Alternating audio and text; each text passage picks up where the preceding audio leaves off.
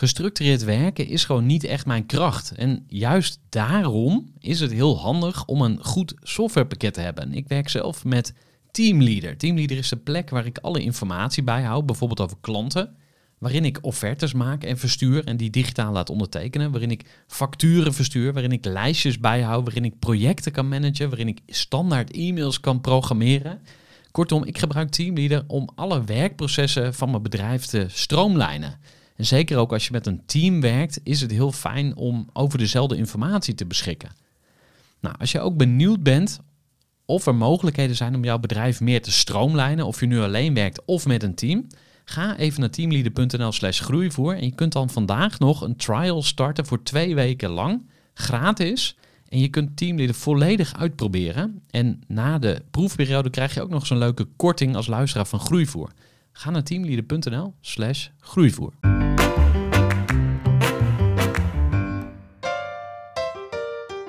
Welkom bij de Groeivoer podcast. Van harte welkom bij deze aflevering en leuk dat je luistert. Mijn naam is Gerard de Velde en in de Groeivoer podcast spreek ik met ondernemers en andere inspirerende mensen over hun bedrijf en alle andere dingen waar ze in hun leven mee bezig zijn. En mijn favoriete onderwerpen zijn ondernemerschap, persoonlijke groei en spiritualiteit. Nou, daar um, kun je veel kanten mee op. En ook in dit gesprek uh, zijn er heel wat thema's die de revue passeren. Deze aflevering is een gesprek met Jeroen Kroon van Diest uit uh, Haarlem. Een uh, hele toffe ondernemer die het bedrijf Unique Surprises heeft opgezet. En daarmee uh, ja, helpt hij eigenlijk mensen die een unieke verrassing willen of laten verzorgen eigenlijk voor een geliefde. Nou, daar hoor je een paar hele mooie voorbeelden van. Uh, ja, Jeroen heeft nogal een reis uh, afgelegd in het leven. Ook een soort mental breakdown gehad. Was uh, op vakantie in Azië, werd daar ja, zelf verrast door een beer die in één keer uit de bosjes sprong. En daar moest Jeroen rennen voor zijn leven. Vervolgens dacht hij een tumor te hebben en belde hij zijn moeder op van mam, ik ga dood. Nou, dat was allemaal eigenlijk een soort van vlaag van verstandsverbijstering, een soort angstaanval. En eigenlijk, uh, ja, toen Jeroen was bijgekomen van uh, die situatie, uh, besloot hij te gaan ondernemen. En um, ja, wat ik heel mooi aan Jeroen vind, is hij is een ondernemer die echt heel serieus werk maakt van zijn persoonlijke ontwikkeling. Iets waar veel ondernemers niet aan toekomen of denken van ja, dat heb ik niet nodig. Maar ja, als jij als ondernemer groeit, dan groeit je bedrijf daar ook van. Ja, dan kun je in alle facetten van je leven van profiteren. Ik zou zeggen, ga lekker luisteren. Haal eruit wat uh, jou past, waar jij uh, energie van krijgt, wat jou inspireert. Laat me ook gerust even uh, een berichtje achter via podcast.groeivoer.nl of gerhard.groeivoer.nl. maar je kan mij natuurlijk ook gewoon benaderen via LinkedIn, Instagram, Facebook.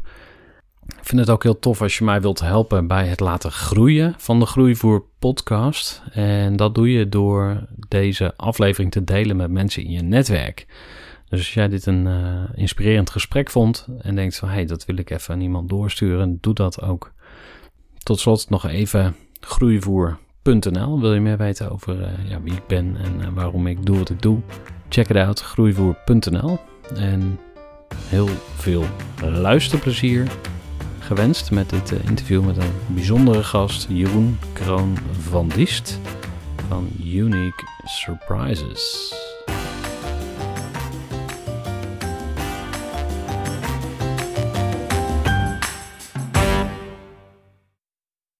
Jeroen Kroon van Diest, van harte welkom bij de Groeivoer podcast. Dankjewel. Dus ja, zou je jezelf uh, willen voorstellen aan de luisteraar? Ja, wil ik zeker. Um, ik ben Jeroen, uh, Jeroen Kroon van Diest uit Haarlem. Daar geboren in 1977, 42 jaar jong. Ik heb een uh, dochter van acht, zoon van zes. Uh, ben gescheiden vier jaar geleden. Ik ben een jaar geleden mijn eigen bedrijf begonnen. Unique Surprises, waarmee ik bijzondere verrassingen organiseer. -huh. Ja, dat in het heel kort. De familie uh, Kroon van Diest. ja. Klinkt wel chic, maar wat, wat, um, wat is dat voor familie? Um, dat, klinkt inderdaad heel chic. En ik hoopte altijd dat wij van adel waren. En dat hoopte mijn oma, die vorig jaar is overleden, ook. En ik heb haar toen een aantal jaar geleden beloofd om dat voor de uit te zoeken. Aha. Uh, dus ik ben op pad gegaan, uh, het pad van genealogie. Ik ben uiteindelijk, uh, we hoopten altijd dat we de, de, de, adel waren van het plaatsje Diest in België. Uh, maar dat bleek helaas niet het geval. We zijn gewoon een bastaardfamilie. Oh joh, ja. je bent gewoon een bastard. een bastard, ja, dirty bastard. Ik uh, kwam uiteindelijk in die tocht van een aantal maanden terecht in een kerkje in Hillegom. Uh, en daar mocht ik uh, bij Gods gratie in een, in een, in een boek kijken uh, uit 1817 uit mijn hoofd. Oh. En daar stond in dat in die tijd Johannes, nee, meneer Kroon en mevrouw van Diest in die tijd een zoontje hebben gekregen, Johannes. En die dame die heeft er destijds opgestaan dat haar, hun zoon Johannes ook haar naam zou krijgen. Mm -hmm. Dus daar is Johannes Kroon van Diest ontstaan, geboren. Ja. Dat was de eerste Kroon van Diest de familie Kroon van Diest, die, die, die woont in, in Nederland, in Haarlem en in Amsterdam. En tijdens de Eerste Wereldoorlog zijn er een aantal Kroon van Diesten naar Amerika vertrokken. Dus daar is de familie eigenlijk inmiddels groter. Ja. En daar schrijven ze de van met hoofdletter, hoofdletter V. ja. Kroon van Diest. Zo, heb, heb je daar contacten mee? Of is dat, uh... Ja, via Facebook ben ik met een aantal gelinkt, maar dat is niet heel actief. Ja, ik vond het wel mooi om te ontdekken in ieder geval. Ja, grappig. Ja. Maar in principe waren jullie dus gewone arbeiders. Ja, klopt. Even heel uh, flauw. ja. Maar, um, uh, en, en wat deden je ouders? Uh, mijn vader die was makelaar. Hm. Die is zijn eigen makelaarskantoor begonnen, uit mijn hoofd 40 jaar geleden in Haarlem. Daar heeft mijn moeder eerst bij in de zaak gewerkt, ondersteunend, om het allemaal op de rit te krijgen. En op een gegeven moment is hij voor zichzelf begonnen ook een fysiotherapiepraktijk aan huis. Aha, dus je ouders waren eigenlijk allebei ondernemer? Waren allebei ondernemer, ja. ja. ja. Uh, jij bent ook een ondernemer. We gaan mm -hmm. het zo over je bedrijf ook hebben. Unique Surprises. Ja. Uh, heel tof concept. Kan je eens jouw reis vertellen tot dat moment? En gewoon even ook voor de luisteraar van... Nou, uh, wat, voor, wat voor soort achtergrond heb je Ja. qua opleiding en dat soort Ja, ik ben uh, na de basisschool uh, eerst naar de MAVO gegaan. Vervolgens middelbare hotelschool in Amsterdam. En tenslotte facility management aan de Haagse Hogeschool. Interessant. Ja, Grappig. Ja, wij, ik heb een bedrijf Eager People Mhm. en wij zijn gespecialiseerd in FM, Facility Management. Ja. Je komt bijna nooit toevallig mensen tegen die daar ook iets Mhm. mee hebben. Dus ja. maar je bent daar ook in verder gegaan of je hebt Ja, een hele andere kant. eh, Ja. ja, ik heb eerst uh, een jaar als intercedent gewerkt. Gewoon om Mhm. even een beetje feeling te krijgen bij branches. Uh, toen heb ik een reis gemaakt van een aantal maanden door Azië. En vervolgens uh, eigenlijk alleen maar facilitair en inkoopgerelateerde Mhm. functies gehad. Ja. In de, in de Amsterdam Arena bij Structon, NS. Je, hebt, je hebt best wel meegemaakt, want je vertelde, uh, nou, je begint gewoon uh, niets vermoedend aan je leven. En Mhm. dan gaat naar school en je ontmoet een partner. Maar op een gegeven moment ga je dan uit elkaar. Ja, klopt. Lijkt me heel intens. Ja, dus dat is het meest intense wat ik heb meegemaakt Mm. in mijn leven. Ja. Ja. ja. Vooral het moment om, om uh, die beslissing te nemen in dat proces van, van jaren en uiteindelijk een aantal maanden realiseerde ik me op een gegeven moment dat ik het idee had dat, dat, dat ik op dat moment ook gewoon niet kon weten of het de juiste beslissing was. Omdat je, omdat je het simpelweg niet, niet kan weten en je niet weet dat als je een andere beslissing had genomen, hoe het dan was gegaan. Ja, met twee jonge kinderen is dat, is dat heel intens. Ik merk nu uh, zo'n vier jaar later dat, dat, uh, ja, dat de wereld er gelukkig een heel rustig, stuk rooskleuriger uitziet. Ja. Ja. Ja, lijkt me heel. Uh, ja, het is misschien niet echt een onderwerp voor de Groeivoer podcast, maar Mhm. uh, je zou kunnen zeggen van uh, alle pijn die je krijgt te verduren in je leven, dat kun je gebruiken als groeivoer, dus als, als brandstof, zeg maar, om weer vooruit te komen. Ja. Is er iets wat jij uit jouw scheiding gehaald hebt, in positieve zin? Ja, zeker. Um, vooral de realisatie dat, dat op het moment dat, um, dat je zo'n intense beslissing neemt, dat, dat, dat, je ook weet dat je daar weer bovenop komt. Uh, dat sowieso. En ik heb heel erg geleerd om voor mezelf te kiezen, om mezelf op nummer 1 te zetten. Hm. Dat heb ik heel lang niet gedaan. Uh, dat verschil was ook wel heel groot. Realiseerde ik me pas toen ik, toen ik eruit gestapt was. Dat ik mezelf eigenlijk helemaal in, in de relatie en in, in, in, uh, in het gezin was verloren. Hm. En, uh, maar hoe zag ja. dat er dan uit? Nou, dat, dat, dat ik, ik mezelf in ieder geval compleet wegcijferde voor, voor, voor de kinderen. Ja, niet meer voor mezelf ging staan om dingen te doen waar ik energie van kreeg. Hm. Ja, en, en op een gegeven moment is me dat opgebroken. Ja. Ja. ja. Um, nu ben je ondernemer. Ja. Je hebt een heel mooi bedrijf. Mhm.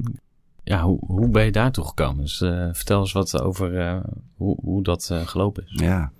Ehm, mijn laatste baan was bij de Stad Schouwburg en Philharmonie in Haarlem. Prachtige, twee prachtige theaterlocaties. En toen ik daar werd aangenomen, had ik zoiets wauw, dit is mijn droombaan. Ik zag mezelf daar echt al jaren op mijn fietsje naartoe gaan. En het, het was ook ontzettend leuk, maar op een of andere manier begon het te kriebelen om, om, om het helemaal zelf te gaan doen. Ehm, en ik was op een gegeven moment met mijn coach aan het sparren. Bij plek in Amsterdam, waar we heel regelmatig zaten. Ehm, op een gegeven moment stelde ze me de vraag: Jeroen, wat doe je nou het allerliefst? En zonder erover na te denken, zeg ik tegen haar: Ja, dat is verrassen. Dat doe ik al mijn hele leven heel graag. Eh, als, als ik in een relatie zat of bij vrienden, als er iets georganiseerd moest worden, Mhm. of bij familie. eh, dan was ik altijd degene die iets bijzonders bedacht. Toen zei ze: Nou, dan, dan ga je dat toch doen? Dan maak je daar toch je werk van? Aha. Dus daar zijn we over, over gaan sparren. Op een gegeven moment in een andere sessie de naam bedacht. En op een gegeven moment maar de stoute schoenen aangetrokken en, en ja, in het diepe gesprongen. Ja. Ja. Hoe, hoe heb je het aangepakt vanaf dat moment? Ja. Dus op, eh, ja, ik bedoel, ga misschien een beetje snel daarheen. Maar Mhm. ehm, eh, je zei, ik ging, ik ging in gesprek met een coach. ja. Was er een aanleiding voor? Liep het even niet zo lekker? Of dacht je zelf van, hey, ik moet eens even met iemand gaan praten? Ja, dat doe ik eigenlijk eh, sinds een jaar of drie structureel. Oh, echt? Ja. Oké. Ja, omdat ik dat gewoon heel fijn vind en dat ik merk dat ik er enorm van groei. Hm. En ehm het ene moment is het intensiever dan het andere moment. Als, als ik inderdaad wat lager in mijn energie zit of grotere uitdagingen heb, dan is het intensiever. Hm. En anders is het gewoon af en toe eventjes eh, even telefonisch sparren. Ja. Hoe Ja. betaal je dat? Hoe ik dat betaal? Ja. Ja, dat, dat, eh, vanuit, Met euro's? Met euro's, ja. Maar jij investeert wel in jezelf dus. Ja, heel, heel erg. Ja. Ja, niet alleen in een coach, maar ook allerlei trainingsprogramma's. Hm, ja. ja. Ja, want je hebt bij ehm, eh, 365 dagen succesvol heb je ook een programma doorlopen. ja, We klopt. kunnen misschien straks nog even wat meer over eh, doorgaan. Ja. Eh, even terug naar dat moment ehm, eh, met die coaches. Eh, eigenlijk kwam je erachter van, hey, ja, waarom ook niet? Eh, Ja. ik, ga, ik ga een bedrijf starten. Mhm. En welke stapjes heb je toen gezet? Of was het eigenlijk heel simpel voor je? Nou, Het opzetten van Unix Prizes heb ik het over. Ja, dat, dat, ehm, dat was inderdaad het concept uitdenken. Op wat voor Mhm. manier ga ik, ga ik het in de markt zetten? Hoe ga ik mezelf zichtbaar maken? Dat vond ik nog de grootste uitdaging in het Mhm. begin. Eh, website bouwen en ja, ik, ik, ik had echt geen idee.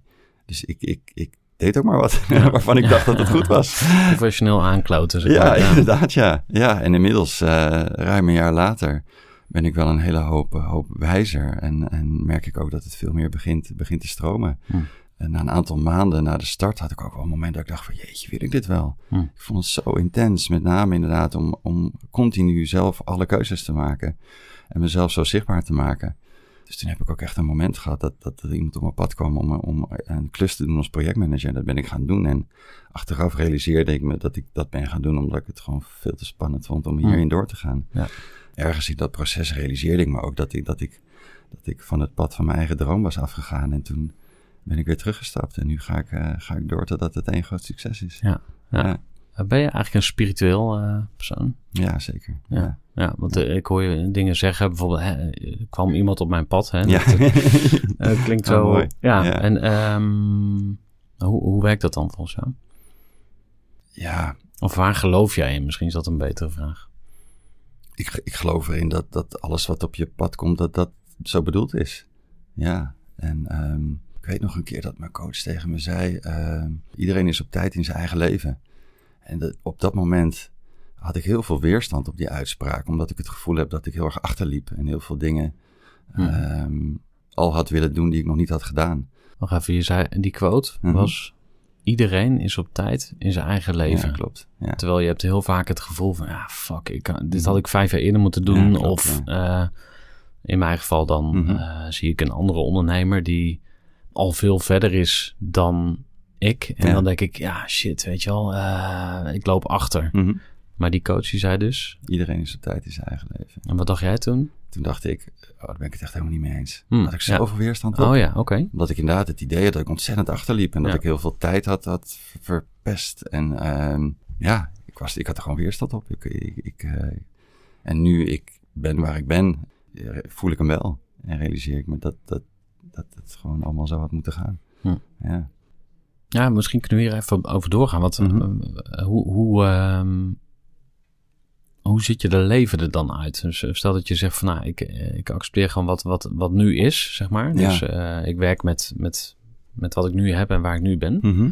Tegelijkertijd wil je wel bepaalde doelen halen en, Ja. en, en een soort van jezelf verwezenlijken. Mhm. Jij, jij doet veel aan persoonlijke ontwikkeling. Je investeert in je eigen ontwikkeling. Ja. Ehm, in hoeverre is dat dan een spirituele ontwikkeling? Want je hebt aan de ene kant maar, gewoon de, de skills en de vaardigheden en de tips en de tricks en Ja. de persoonlijke effectiviteit. Dat Mhm. zit veel meer op het doen en het hele. Dat is gewoon heel praktisch. Ja. Maar eh, je hebt ook die spirituele kant. Hoe, hoe, ehm, hoe is die balans voor jou? Of hoe ziet jouw pakketje persoonlijke ontwikkeling eruit? Mijn pakketje persoonlijke ontwikkeling ehm, eh, heeft, heeft die allebei, zeg maar, zowel de, de pragmatische kant en, ehm, maar ook zeker de spirituele kant. Ik heb, eh, of niet alleen het gevoel, ik, ik heb afgelopen jaren echt de reis van mijn hoofd naar mijn hart gemaakt. En ehm, ja, dat, dat is een intense reis geweest. En Neem, neem ons mee. ja, ik was iemand die, die, die echt heel erg van het analyseren was en heel erg van het overdenken. En nu ik, nu ik heel erg vanuit mijn gevoel leef, eh, realiseer ik me dat, dat ik ehm, ja, dat eigenlijk heel lang niet heb gedaan. En daar heb, daar heb ik best wel wat, wat intense eh, dingen voor gedaan om tot dat gevoel te komen. Maar ik heb het idee dat ik dat heel lang gewoon genegeerd heb ook. Hm. Dat het er niet mocht zijn. Vooral, vooral ademsessies hebben daar heel erg bij geholpen. Ja, daar heb ik immense doorbraken mee bereikt. En ik, ik, ehm, ik denk dat die groei in mezelf ook wel gelijk staat in de groei van, van, van mijn onderneming. Dat dat, dat dat gelijk opgaat. Ja. Even een korte onderbreking met een belangrijke vraag aan jou. Want wat heb jij geregeld voor het geval je van de ene op de andere dag zou komen uit te vallen? Wat gebeurt er dan met je bedrijf, maar vooral wat gebeurt er met jou persoonlijk en ook in financieel opzicht? Samen met ASR voerde ik drie openhartige gesprekken over tegenslag en veerkracht. En dat deed ik met Saskia, Vincent en Pieter. Ondernemers met een bloeiend bedrijf die van de ene op de andere dag niet meer konden werken. En die verhalen hoor je in aflevering 256, 257 en 258 van deze podcast. Als ondernemer wil je natuurlijk niet uitvallen. En daarom is het belangrijk dat je veerkrachtig bent, want voorkomen is beter dan genezen. En als het dan toch misgaat, is het fijn dat je iets geregeld hebt, zodat je weer snel door kunt met ondernemen. Wil je weten hoe veerkrachtig jij nu bent? Vul dan in twee minuten de veerkrachttest van ASR in. Ga naar asr.nl slash veerkrachttest ondernemers. Ja. Waar ik over na zit te denken is van, het, het klinkt voor mij allemaal nog eh, een beetje soft. Ja, dus daar bedoel ik helemaal niks eh, lulligs mee, maar Mhm. Je hebt gewoon in Nederland echt een, een enorme personal development scene. Ja. Ja, en ik, ik draag daar op mijn eigen manier ook nog een steentje aan bij natuurlijk. Mhm. Maar ehm, je kan ook zeggen van ja, fuck it man. We zijn allemaal veel te verwend en we Mhm. hebben het veel te goed. En Ja. nu gaan we een beetje zitten janken omdat we niet weten wat we met ons leven aan moeten. Ja. Even heel bot Mhm. gezegd. Kan je daar eens op reageren? Ik, ik, ehm, ik zie vooral die persoonlijk ontwikkelingsprogramma als, als eh, hulpmiddelen om tot je eigen kern te komen. Tot mijn eigen kern in dit geval. En eh, bij mij is dat, is dat behoorlijk goed gelukt de afgelopen jaren. En ehm, ik realiseer me heel goed dat, dat... Laatst werd me gevraagd inderdaad om mezelf heel kernachtig te omschrijven. En toen... En dat is eigenlijk een man met zachte kracht, realiseerde ik me. En ik vind het ook gewoon mooi om daarvoor te gaan staan, omdat ik me ook zo voel. Aan de ene kant gewoon een mooie zachtheid, maar ook, ook de krachten die dat ook met zich mee heeft. Ja. Ja. Ehm, en wie zei dat tegen je? die vraag werd me gesteld door een, eh, door een, door een coach inderdaad, die Ja. mij interviewde. Ja, Cool. Want jij wordt nog wel eens geïnterviewd. ja. Eh je bent ook op tv geweest. Mhm, klopt. Ja. Dat had weer een hele andere eh, reden volgens mij. ja, klopt. En dat is voor een, een datingprogramma. Eh, Pretty and Single. Ik werd via Facebook eh, benaderd of ik daaraan mee wilde doen. Mhm. En mijn thema van dit jaar is, eh, is It's Showtime. Dus dat ja, is een mooie, mooie gelegenheid om mezelf ook daar te laten zien. Cool. Ja. Ja. Vertel eens wat meer over een jaarthema. Mhm. wat, hoe kom je daar nou weer bij? Ehm, ja, dat komt ook voort uit, uit het jaarprogramma van 365 dagen succesvol. Ja. Die, die, Want dat is een bedrijf uit Amsterdam. klopt. En die eh, helpen mensen bij hun ontwikkeling. Ja. En dat doen ze met een jaarprogramma, onder Klopt. andere. En allerlei online trainingen en dat soort dingen. Ehm, nou, ik ga hun ook schaamteloos kopiëren Mhm. natuurlijk. dat is een eigen geintje. Maar ehm, wat zij heel goed doen volgens mij is eh, er eh, een bepaalde schaalgrootte mee creëren. En Ja. impact creëren bij hun klanten. En daar heel goed geld aan verdienen. Ja. Dus dat eh, is ook nog niet zo vanzelfsprekend. Mhm. Mag ik vragen wat je ongeveer geïnvesteerd hebt dan eh, bij 365? Ja, ik, ik eh, doe nu ook mee aan het tweede jaar. Ik weet het bedrag ineens uit mijn hoofd, maar volgens mij is het iets van 3.500 euro per jaar. Mhm. Ja. Ja. En wat, wat krijg je dan? Daar krijg je vijf weekenden voor, waarmee je met alle deelnemers in, in een grote zaal in Nederland, meestal in AVAS Live, samenkomt voor twee Mhm. hele intensieve dagen. Ja. Daar krijg je eh, een coach voor, die, eh, die je begeleidt. Daar krijg je een, een cirkel voor. Dat is een groep mensen die geografisch dicht bij elkaar wonen, waarmee je ook onderling kan sparren. En er is een, een app waar, waar je allerlei opdrachten en video's in staan om je mee te nemen in, in, het, in, het, in het programma, in een methode. Ja. Ja, Ja. En, ehm, jij vindt de investering waard, anders zou je het niet nog een keer doen. Ja. vertel. Ja, ja ik, ik merk dat, ik, ehm, eh, dat het me ontzettend inspireert. Eh, dat ik er ook op de, op de, de hardere kant van persoonlijke ontwikkeling gewoon heel veel tools mee krijg die, waarmee ik verder kom. Ik realiseer me wel dat, dat ik er vooral heel erg door in de do-modus ga. Dat ik stapjes blijf zetten. Hm. En ehm, Misschien is het ook wel een soort van com- ja, community, eh, echt dat gevoel van ik hoor ergens bij of zo. ja, zeker, dat heerst heel erg. Hm. Ja, ja het, het is, het, is, het is een ehm, hele veilige eh, omgeving waar, Ja. waar inderdaad ook eh, hele intense dingen worden la- eh, laten zien op het podium. Ja. eh, die je normaal gesproken misschien nog ineens met je beste vriend deelt. En ja, die worden daar uitgewerkt, wat leerzaam is voor de hele zaal. Hm. Er wordt inderdaad soms gewoon intens gefeest, maar er zijn ook momenten dat je echt een speld kan horen vallen.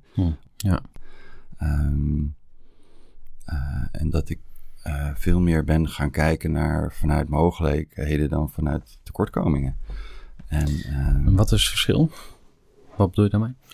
nou, dat, dat, ja, dat, dat- ik had al het idee dat bij mij het, het glas vaak altijd al half vol was in plaats van half leeg. En tegelijkertijd stond ik wel in, in mijn ontwikkeling best wel stil.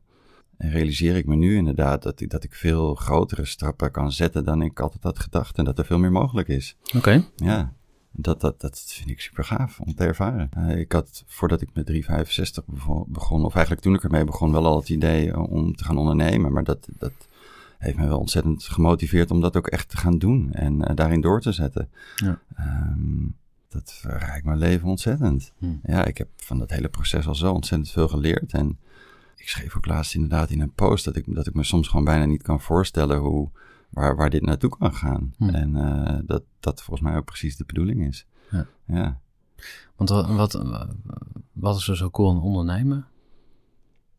Ehm, ja, dat, dat ik eigenlijk precies kan doen wat ik zelf het allerleukste vind. Hm.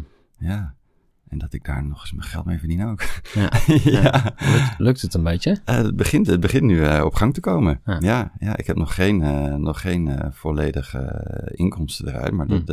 Dat ziet er wel naar uit dat dat op niet al te lange termijn gaat, gaat gebeuren. En mijn Ja. streven is om eh, over, over eh, anderhalf, twee jaar inderdaad echt wel een team om me heen te hebben. En we een stuk zijn gegroeid. Ja. Ja, Klinkt goed. ja, eh, geloof jij in de wet van de aantrekkingskracht? ja absoluut. Hm. Ja.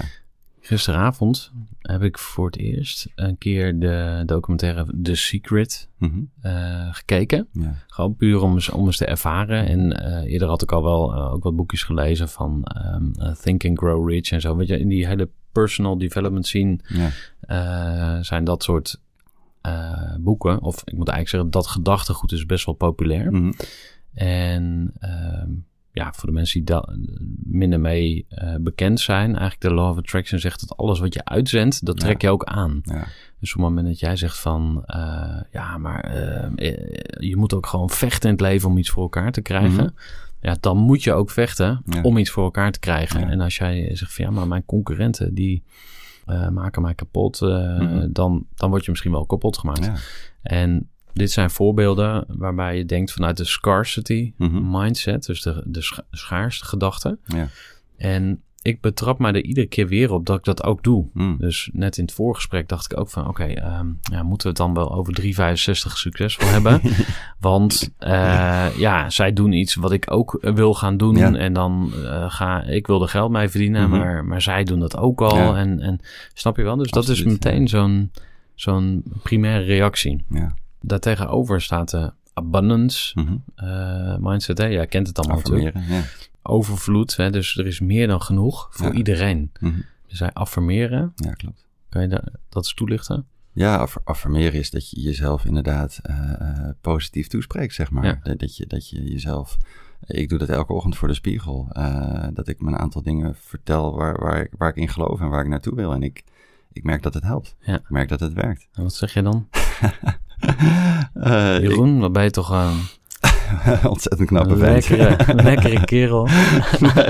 ik zeg elke ochtend tegen mij, bliksem. moet ik me even concentreren hoor. Ehm, ik hou van mezelf en ik accepteer mezelf, ook als het even niet zo voelt. Ik leef vanuit liefde en vertrouwen. De middelste ben ik kwijt. Ik eindig de laatste tijd met geld stroomt mijn kant op. Ja. ja. Ja, ja, En precies, sinds ik dat doe, gebeurt het ook gewoon. Aha. Ja.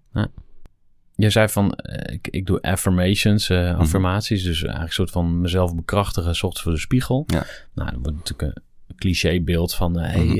hello tiger. En, wat ben je geweldig en zo. Maar Mhm. d- dat doet echt iets voor je. Absoluut, ja. Ehm, Geef je dat ook aan je kinderen mee? Ja, zeker. Ja. Ja, ja ik, ik, ik probeer ze heel veel van mijn, van mijn de dingen die ik leer aan ze mee te geven. Vooral door, door te kijken naar wat wel lukt. Ja, bijvoorbeeld ook, ook gewoon praktische uitdagingen die ik soms aanga. Ik ben ook iemand die heel graag in, eh ga misschien toch weer een beetje die kant op, maar eh, bijvoorbeeld elke ochtend douche ik koud af en ik merk dat ik daar ontzettend veel energie van krijg. En mijn dochter die had laatst zoiets van, wauw, dat vind ik ook wel heel interessant, wil ik ook eens proberen. En ik, ik, ik, ja, ik, ik zie gewoon dat ze, dat ze van dat soort kleine voorbeelden, dat ze daardoor groeien en dat ze even een andere kijk eh, op een situatie krijgen. En dat vind ik ook wel heel belangrijk om ze dat mee te geven. Dat is ook wel een van de redenen dat ik destijds met, met, met, met mijn relatie met, met de moeder van mijn kinderen ben gestopt. Omdat ik ja, ze iets anders wilde laten zien dan dat ze op dat moment voorgeschoteld kregen. Hm. Ja. Zullen we even een korte break eh, doen? Zullen we doorgaan? Ja. Misschien een mooi voorbeeld van Ja. Love Attraction.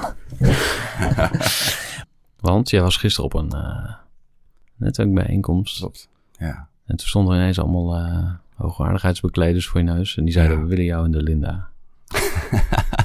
Dat is echt een samenvatting.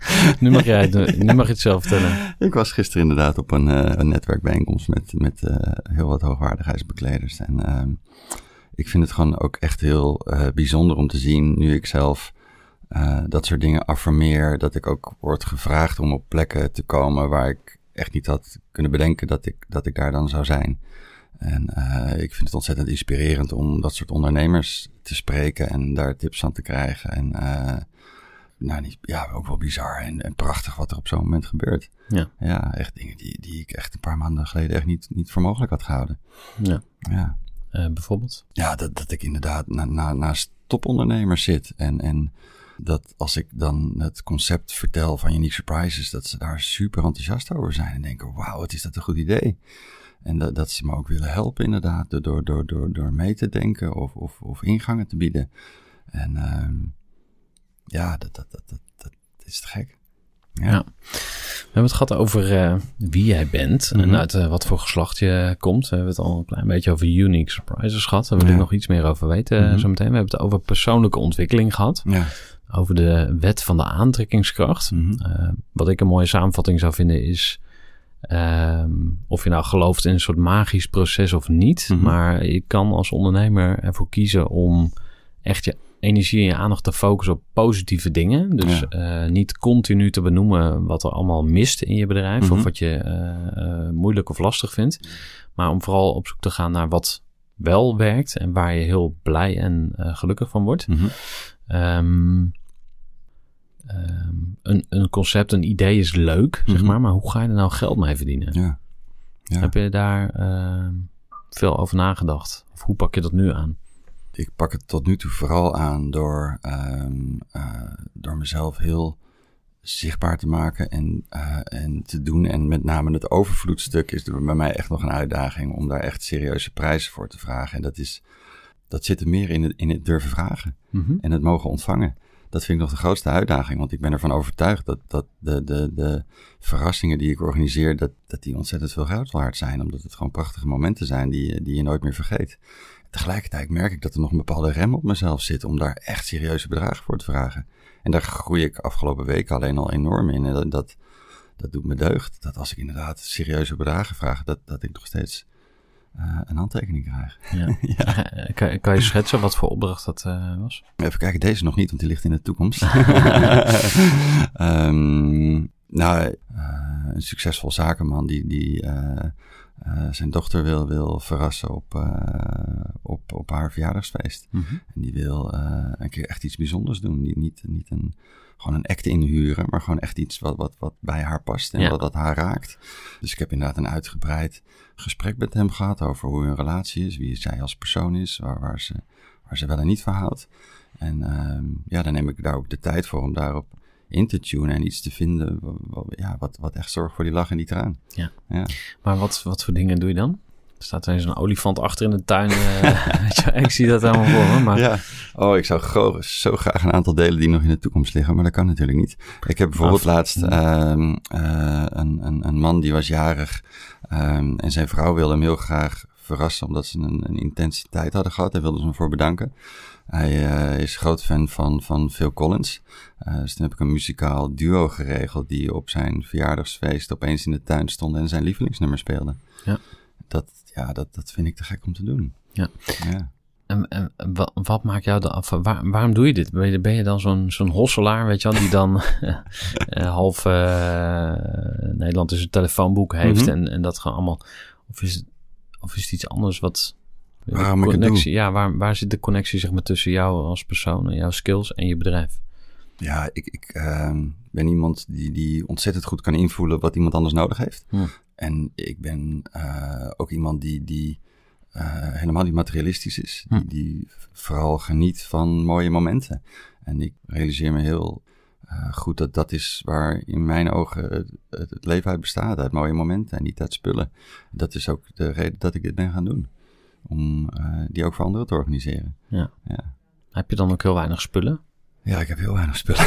Ja. Vroeger had je er heel veel? Of, nou, dat is ook een nooit stukje... gehad ook? Nou, ik was wel materialistischer. En ik denk met name in de relatie die ik na mijn huwelijk heb gehad. We hebben toen vanuit de scheiding hebben ons huis verkocht met, met, met best wel flink wat overwaarde. En ik realiseerde me toen dat, dat ik best wel veel geld had en daar heel veel mooie dingen voor kon doen. Eh, maar dat ik er pas echt blij van werd als, als het echt raakte, zeg maar. Niet om blind maar een hotelkamer met een jacuzzi te boeken. Daar kon ik me doodongelukkig voelen. En dat proces daar heb ik enorm veel van geleerd. En ik ben inderdaad vanuit mijn gezinssituatie van een ontzettend mooi groot huis gegaan naar, naar een studentico's appartementje. Wel in een prachtige wijk, maar dat was wel even schakelen. Ja. En ik denk dat dat ook zeker heeft bijgedragen aan, aan mijn groei hierin en de keuze om dit te gaan doen. Ja, Ben je zelf eh, door de dingen die je meegemaakt hebt ook meer als leermeester gaan zien voor anderen? ja zeker. Ja, dat merk ik ook. Dat ik. eh, dat is eigenlijk mijn persoonlijke missie om eh, anderen te inspireren om te leven vanuit liefde en vertrouwen. Ik heb heel lang vanuit angst en controle geleefd. En eh, een aantal jaar eh, geleden de, eigenlijk de keuze gemaakt om dat niet meer te doen. Hm. Ik heb het zelfs op mijn arm getatoeëerd staan. Laat even zien. Kijk. Dat is een tatoeage met love en faith. Met de golven van het leven. Daar gaan we straks even een mooie foto van maken. Ja, is goed. Voor bij de podcast. Ja. Cool. Ehm, angsten. Ja, Vertel. ik, ehm, ik denk dat er ergens in mijn systeem altijd wel een bepaalde mate van angst heeft gezeten. Net als bij iedereen, denk ik. Maar een jaar, vijftien geleden is dat wel, wel door een aantal eh, dingen tijden, die gebeurden tijdens een reis enorm geactiveerd. Waardoor ik extreem angstig werd. En dat heeft me eigenlijk wel, wel heel wat jaren bezig gehouden. En, en eh, weerhouden van de dingen die ik echt graag wilde doen. Ja, en ik heb dus een aantal jaar geleden voor gekozen om, om, om die knop om te zetten. En juist die angsten aan te gaan kijken. En, en ja, het is prachtig wat, wat er dan gebeurt als je je daar niet meer door laat leiden. En, en zelf weer het hand in, eh, heft in eigen hand neemt. wil je eens delen wat je hebt meegemaakt dan? Ja, ja dat wil ik delen. Dat, ehm, we reisden, we wilden destijds een, een reis maken naar Azië. Ik met, met, met mijn toenmalige vriendin, uiteindelijk de moeder van mijn kinderen. We wilden een maand door Vietnam en twee maanden door China reizen. En op de dag dat wij naar Vietnam vlogen, kwam s ochtends het bericht dat SARS was uitgebroken. Ik vond überhaupt drie maanden backpacken vond ik al best wel, best wel spannend. En uh, op het moment dat we dat bericht kregen, merkte ik dat het wel, uh, ja, dat ik me heel best wel angstig daarover voelde. Van wat, wat kon daar gebeuren in, uh, aan de andere kant van de wereld. Ja, want SARS, dat is een of andere een virus, toch? Of niet? Ja, klopt. Ja, ja, waar destijds in de media inderdaad heel veel aandacht aan werd besteed. Van het is een Spaanse griep en hier kunnen wel eens heel veel mensen aan gaan overlijden. En wij vlogen zeg maar naar de plek waar dat was ontstaan. Ja, dus dat top. voelde ja, super kut. Top timing. Ja, ja. en uh, we hebben toen twee weken door het zuiden van Vietnam gereisd. En uh, we wilden dus eigenlijk naar het noorden en dan de grens bij China over. Uh, maar um, op dat moment was, was door SARS waren we in het noorden van Vietnam en het zuiden van uh, China niet verzekerd. Dus daar hebben we op een gegeven moment toch voor gekozen om de uitstap naar Thailand te maken, wat ja, relatief veiliger was op dat moment en, en uh, betere zorg, mocht er iets gebeuren. En toen we dat eenmaal hadden gedaan, hadden we op een gegeven moment een hele mooie jungle trekking geboekt, te voet, met een gids. En toen we een aantal uren op weg waren, hoorde ik wat geritsel rechts in de bosjes en wat gegrom. Uh, toen bleek dat er een beer op ons af kwam rennen. En uh, een zwarte Aziatische beer. Ik heb het beest overigens zelf nooit gezien. de gids die riep op, riep op een gegeven moment dat we moesten rennen. Volgens mij het slechtste advies wat ik ooit heb gekregen. Uh, maar ik, ik, ben best wel snel, dus voordat ik het wist was, was ik 100 meter terug. En realiseerde ik me op een gegeven moment dat ik mijn vriendin had achtergelaten. en oh shit. toen ben ik stil gaan staan oh, en achterom gaan kijken. En toen kwam iedereen op mij afrennen allemaal in, in paniek en huilend. En uh, later hoorde ik inderdaad dat die beer de gids een klap had gegeven. En dat hij toen ook weer was, was, was gevlucht. En, um, Ze is aangevallen door een beer als ja, gezelschap? Ja, klopt. Ja. Eén, ja. ja één gids die liep voorop en daarachter twee, twee Nederlandse stellen, waaronder wij.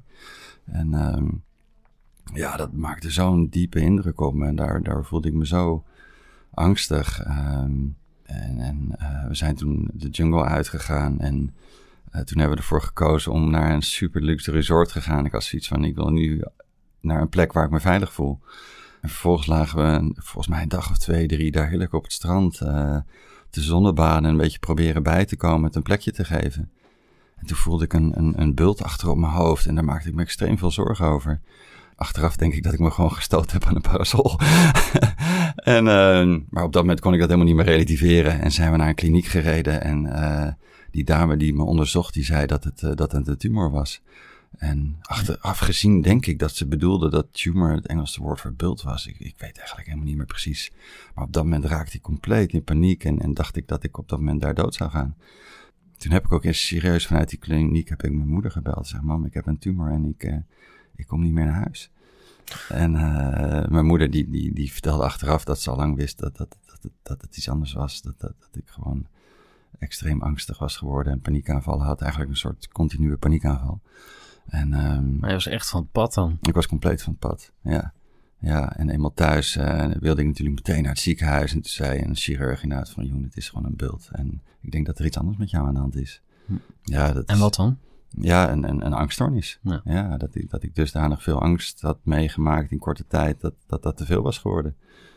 Maar zat het niet dan daarvoor al, of daarvoor al, zeg maar? Uh, of waar, waar komen die angsten dan vandaan, volgens jou? Nou, ik denk dat het ergens wel voor een stukje in mijn, in mijn, in mijn DNA zit. Hm. Ik herken het ook wel terug in, bij sommige familieleden. Wat herkende je dan bijvoorbeeld? Nou, dat, dat um, het, het veel voor de veilige weg kiezen en uh, weinig risico's durven nemen. Uh, nou, trouwens, dat is ook weer niet helemaal waar. Uh, mijn vader is ook ondernemer, heeft enorm veel risico genomen. Maar op, op een bepaald vlak, ja, ik realiseerde me vanaf dat moment dat ik eigenlijk altijd wel in, in, in misschien overmatige mate van angst heb geleefd. Maar dat het op dat moment zo werd getriggerd dat, dat er eigenlijk niks meer bestond dan dat ja, dat, dat, dat liep op dat moment best wel uit de hand. Dat ik geen eens meer durfde te gaan slapen of, of in die extreme vormen. En uiteindelijk thuis, uh, ja, daarvoor in behandeling gegaan en, en uh, uh, best wel wat jaren overheen gegaan voordat ik dat weer een beetje een plek kon geven. Hm. En um, negen jaar geleden heb ik eigenlijk zelf besloten dat, dat ik daar gewoon helemaal los van wilde komen. En echt weer volop in het leven wilde gaan staan. Ehm, en toen heb ik onder andere ervoor gekozen op een gegeven moment om die tatoeage te nemen. Omdat ik echt heel bewust de keuze maakte om vanuit liefde en vertrouwen te leven. En me niet meer door angst en controle willen laten leiden. Ja, dat is een soort mindswitch geweest. En natuurlijk, iedereen heeft angst. Ik heb ze ook dagelijks. Alleen, ik heb wel de keuze inderdaad uh, of ze er gewoon mogen zijn en uh, of ik er wat mee doe of niet. Hmm. En dat is een heel groot verschil met de tijd daarvoor. Ja. Ja. En, en hoe, hoe ziet dat proces eruit dan, zeg maar? Dan eh, komt er een gedachte bij je op of zo, Mhm. of een angstige eh, gevoel, bekruipt je, wat dan ook. En dan signaleer je dat dan en dan roep je een halt toe en dan of hoe, hoe, eh, krijg je want dan uiteindelijk heb je dan toch weer over controle maar Ja. je controleert je angsten en hoe, hoe werkt het eh, voor jou Nou, ik probeer ze juist niet te controleren, want ik merk ja, alles wat je aandacht geeft groeit. Eh, dat ze dan alleen maar meer aanwezig zijn. Hm. Eh, maar ik probeer ze inderdaad eh, eh, aan te kijken dat ze er mogen zijn en vervolgens wel weer door te gaan met eh, waar, wa- wat ik kies te doen op dat moment. En dat, dat, dat kan een heel eh, klein verschil zijn. Een hele, hele, hele kleine nuance. En eh, het lukt me wel steeds beter om die nuance te vinden. Ja. Ja. Ja. ja wat, wat, wat is een gezonde angst en waar, waar wordt het zeg maar ja, waar, waar, waar gaat het over de grens volgens jou Ja, gezonde angst is, is ja, denk ik, ding- dingen die je ook echt kunnen bedreigen. bedreigen. En, Mm. en eh, ik denk dat er in, in onze tijd eigenlijk heel weinig reële angsten meer zijn.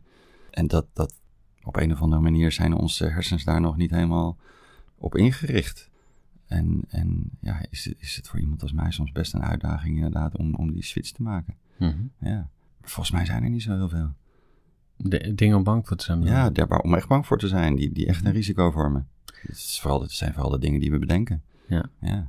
Ja, bijvoorbeeld Fear of Public Speaking. Hè, die Ja. staat, staat al heel lang eh, op nummer 1 of op, in top 3. Fear of Rejection. Dus Mhm. eh, afwijzing is natuurlijk... eh, Ja. ehm, wat hebben we nog meer? Angsten. Maar echt doodsangsten. Ja. Kijk, want dat vind ik dus wel ehm, eh, boeiend. Dat aan de ene kant heb je hele primitieve eh, angsten... die zitten ingebakken in, je- in je survival Mhm. systeem, zeg maar. En mijn dochtertje, die is nu eh, iets ouder dan tien weken. Mhm. En daar zie ik dus dat, dat dat lijfje, zeg maar, dat reageert heel primair op bepaalde prikkels. Dus Ja. als ik ehm, eh, haar naar bed breng en dan op een gegeven moment dan wordt ze steeds rustiger en uiteindelijk valt ze in slaap. Mhm. Maar dan zit ik er nog wel eens naast. Maar soms moet ik dan eh, even hoesten Ja. Of mijn keel eh, schapen. Mhm. En dan eh schrikt ze daarvan. Ja. Dus dan, dan zie je dat hele lijfje zo eh, in een soort van reflex schrikken. Ja. Dus dat is het, het primitieve systeem van reflexen. Mhm. Maar waar jij het over hebt, is dat zijn alle, alle gedachten. Dus eigenlijk alle ja, concepten, mentale constructen, of weet ik veel hoe je het Ja. ook gaat noemen. Maar die eigenlijk eh, die je zelf creëert. Mhm. En die je dus door de aandacht aan te besteden ook versterkt. Ja. Ehm, maar het lijkt me dan, als je moet rennen voor een beer, zeg maar, Mhm. dat het ook een soort van. Ja, het zou ook heel louterend kunnen zijn of zo. Dat je denkt van, ja, fuck, nu heb ik eindelijk weer het gevoel dat ik leef, weet je wel. Ja, ja, ik heb het ge- en Ja. ja. snap je? Geef me er En- nog één. Ja, maar dit is waar mensen uit vliegtuigen springen en gaan bungee jumpen. En, en waar jij eigenlijk ook op een andere manier misschien wel je business van gemaakt hebt. Mhm. Gewoon, eh, want die verrassing, dat is eng en spannend. Ja, absoluut. En Ja. zeker als je gewend bent om te geloven in live design, weet Mhm. je wel. Dus ik ga mijn leven helemaal vormgeven zoals ik het wil. En eh, ik ga alles creëren. En ik doe allemaal braaf mijn eh, affirmations. Mhm. En koud afdouchen en citroenwater drinken en zo. Dingen die ik overigens ook doe. Maar Ja. ehm, weet je wel, dus je hebt alles weer in controle. Mhm. En dan ineens word je in een busje ge, eh, getrokken door mannen met bivakmutsen op. En je wordt naar Artis gereden. Ja. En dan word je daar eh, eh, in de leeuwenkuil Mhm. gegooid of zo. Ja. Doe je dat soort dingen? Ik doe wel heel veel uitdagende dingen. Ja. Ja. Nou ja, ik, ik bedoel maar. Maar dan, Mhm. dan komt er een soort survival mechanisme. En dan, ja, ik lul me wat hoor. Maar ik probeer me voor te stellen wat de positieve kant van angst kan zijn. Dus dat je ook een soort van... eh, ja, je krijgt heel veel adrenaline en Mhm. misschien ook levenslust of zo. Ja. Weet je wel? Als je aan de dood ontsnapt bent, dan ga je denken... hey, fuck, maar dan, nu weet ik wat belangrijk is. Ja, misschien is het wel het verschil, zeg maar, tussen aangevallen worden door een beer of uit een, uit een vliegtuig springen. Dat je, dat je de, in het ene moment er wel voor kiest en het andere moment er wordt, door wordt overvallen. Hmm. En uh, ik, ik kies er nu heel bewust voor om, om die superspannende dingen juist wel te doen. Ja. Um, en ik merk dat ik daar ontzettend door groei. En dat het inderdaad ook een kick geeft. Ja. Vooral als het lukt. Ja. ja. Kan je nog eens een uh, toffe verrassing uh, vertellen die je al wel hebt uh, uitgevoerd? Uh, degene waar je het meest trots op bent? Ja, dat, dat is um, een verjaardag geweest van een dame. Die, um, die heeft drie vriendinnen en die hadden op dat moment een heel zwaar jaar gehad. En zij wilde heel graag voor ze gaan zingen. En op het moment dat ik haar sprak, um, vond ze dat we hadden het er net over, ontzettend spannend om te doen. Eigenlijk te spannend. Dus ze vroeg Jeroen, hoe kunnen we dat wat draaglijker maken? Een aantal weken daarvoor had ik een uh, hele bijzondere singer-songwriter ontmoet, Barbara van der Kaai. Uh, en haar nummers raakten mij ontzettend. en op het moment dat ik, dat ik met die dame in gesprek was, had ik zoiets van, wauw, dat is een mooie combinatie. Dus dat heb ik aan, aan, aan beide voorgesteld. Ze vond het allebei een te gek idee. En op het moment dat zij haar uh, verjaardag vierde in Amsterdam, deden we net alsof uh, Barbara van der Kaai, de singer-songwriter, de verrassing was. Dat zij voor de jarige daar was om een aantal mooie nummers te zingen. Maar in de tussentijd hadden ze al een aantal keer gerepeteerd.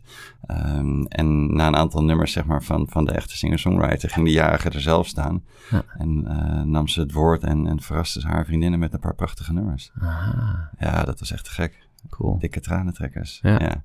En super stoer van haar dat ze dat, dat, ze dat durfde Ja. te doen. Ja. Ja.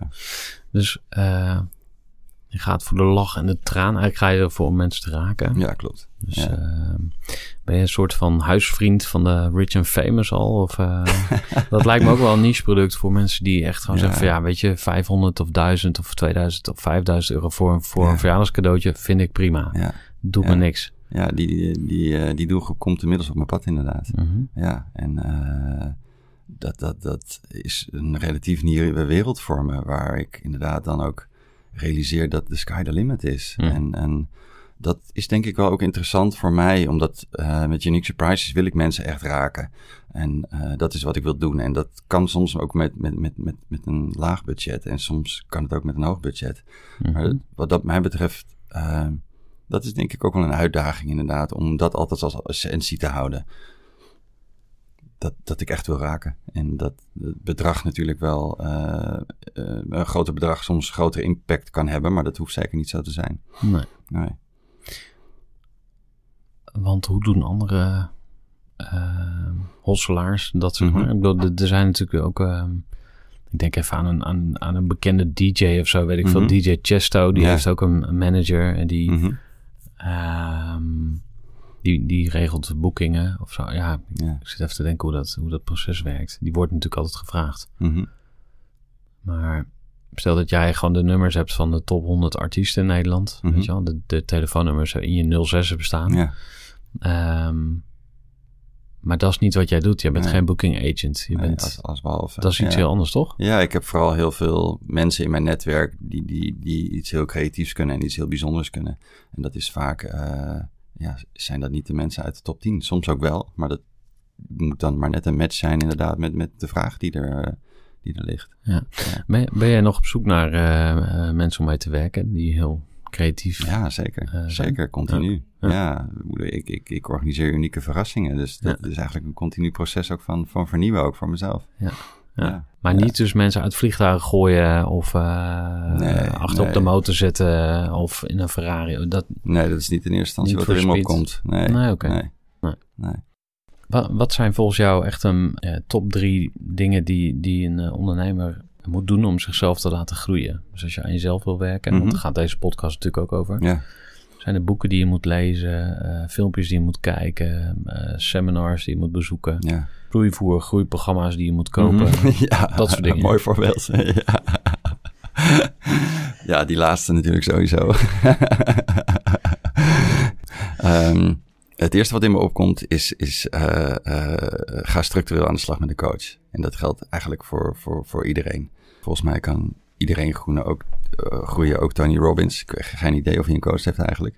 Maar ik merk dat het mij heel veel verder helpt. En met name een coach die, die je door en door kent, die, kan echt in no time de vinger op de zere plek leggen, waardoor ik, waardoor ik weer grotere stappen kan maken. En, dus dat zou ik sowieso iedereen adviseren.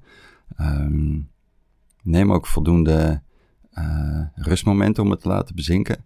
Uh, blijf niet alleen maar rennen. Dat is ook eentje die ik mezelf af en toe als tip geef. En investeer inderdaad ook in persoonlijke ontwikkeling. Ik ben er echt van overtuigd dat, dat je persoonlijke groei gelijk staat aan je, aan je zakelijke groei. Ja, dat zijn eigenlijk de eerste drie die in me opkomen. Ja.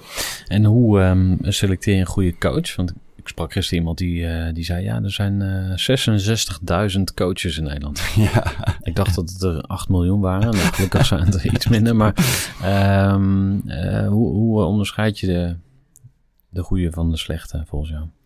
Of waar heb je zelf op gelet? Ik heb zelf uh, op gelet op of degene die mij coacht, of, of ik die inspirerend voor vond en of die stapjes verder zijn dan dat ik ben. Um, met name dat laatste inderdaad. Uh, er zijn altijd wel mensen die, die al iets hebben gedaan wat jij nog niet hebt gedaan. Uh, en dat ze je daarin in, in mee kunnen nemen en kunnen adviseren en je spiegel kunnen voorhouden. Uh, wat mijn coach een keer letterlijk heeft gedaan.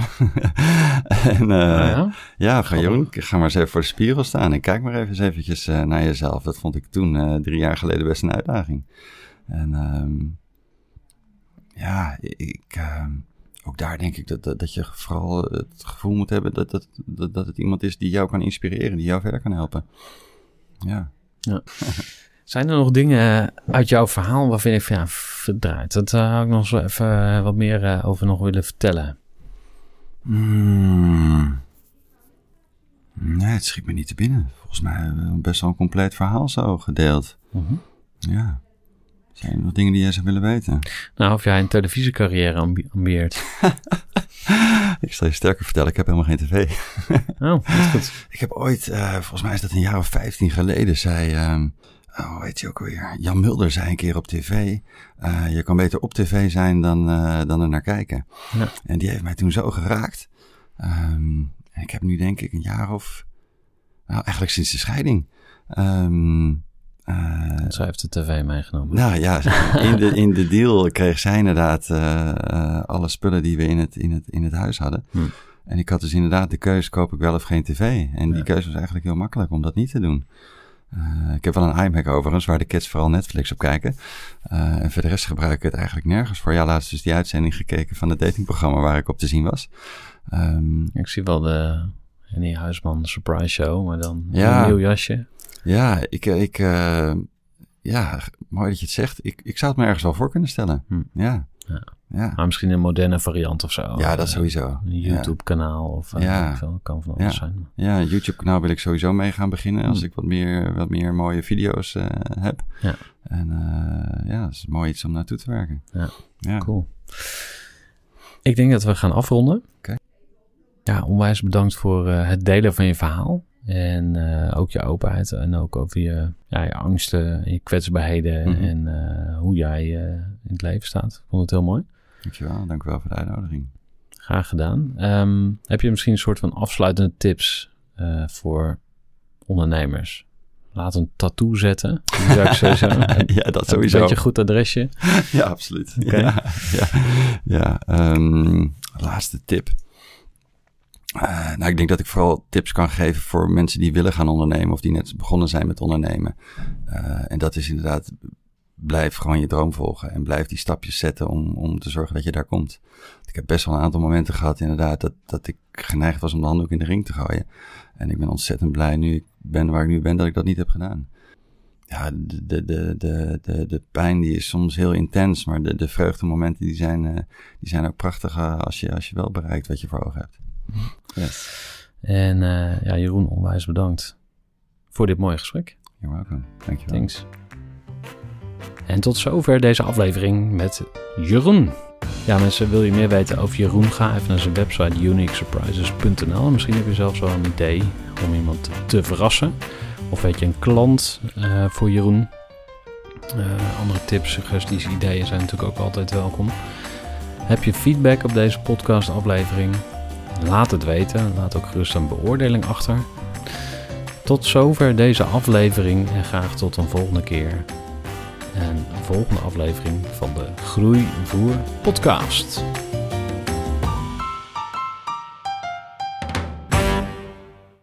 Gestructureerd werken is gewoon niet echt mijn kracht. En juist daarom is het heel handig om een goed softwarepakket te hebben. Ik werk zelf met Teamleader. Teamleader is de plek waar ik alle informatie bijhoud, bijvoorbeeld over klanten. Waarin ik offertes maak en verstuur en die digitaal laat ondertekenen. Waarin ik facturen verstuur, waarin ik lijstjes bijhoud, waarin ik projecten kan managen, waarin ik standaard e-mails kan programmeren. Kortom, ik gebruik Teamleader om alle werkprocessen van mijn bedrijf te stroomlijnen. En zeker ook als je met een team werkt, is het heel fijn om over dezelfde informatie te beschikken. Nou, als je ook benieuwd bent of er mogelijkheden zijn om jouw bedrijf meer te stroomlijnen, of je nu alleen werkt of met een team, ga even naar teamleader.nl slash groeivoer en je kunt dan vandaag nog een trial starten voor twee weken lang, gratis. En je kunt Teamleader volledig uitproberen. En na de proefperiode krijg je ook nog zo'n leuke korting als luisteraar van Groeivoer. Ga naar teamleader.nl slash groeivoer.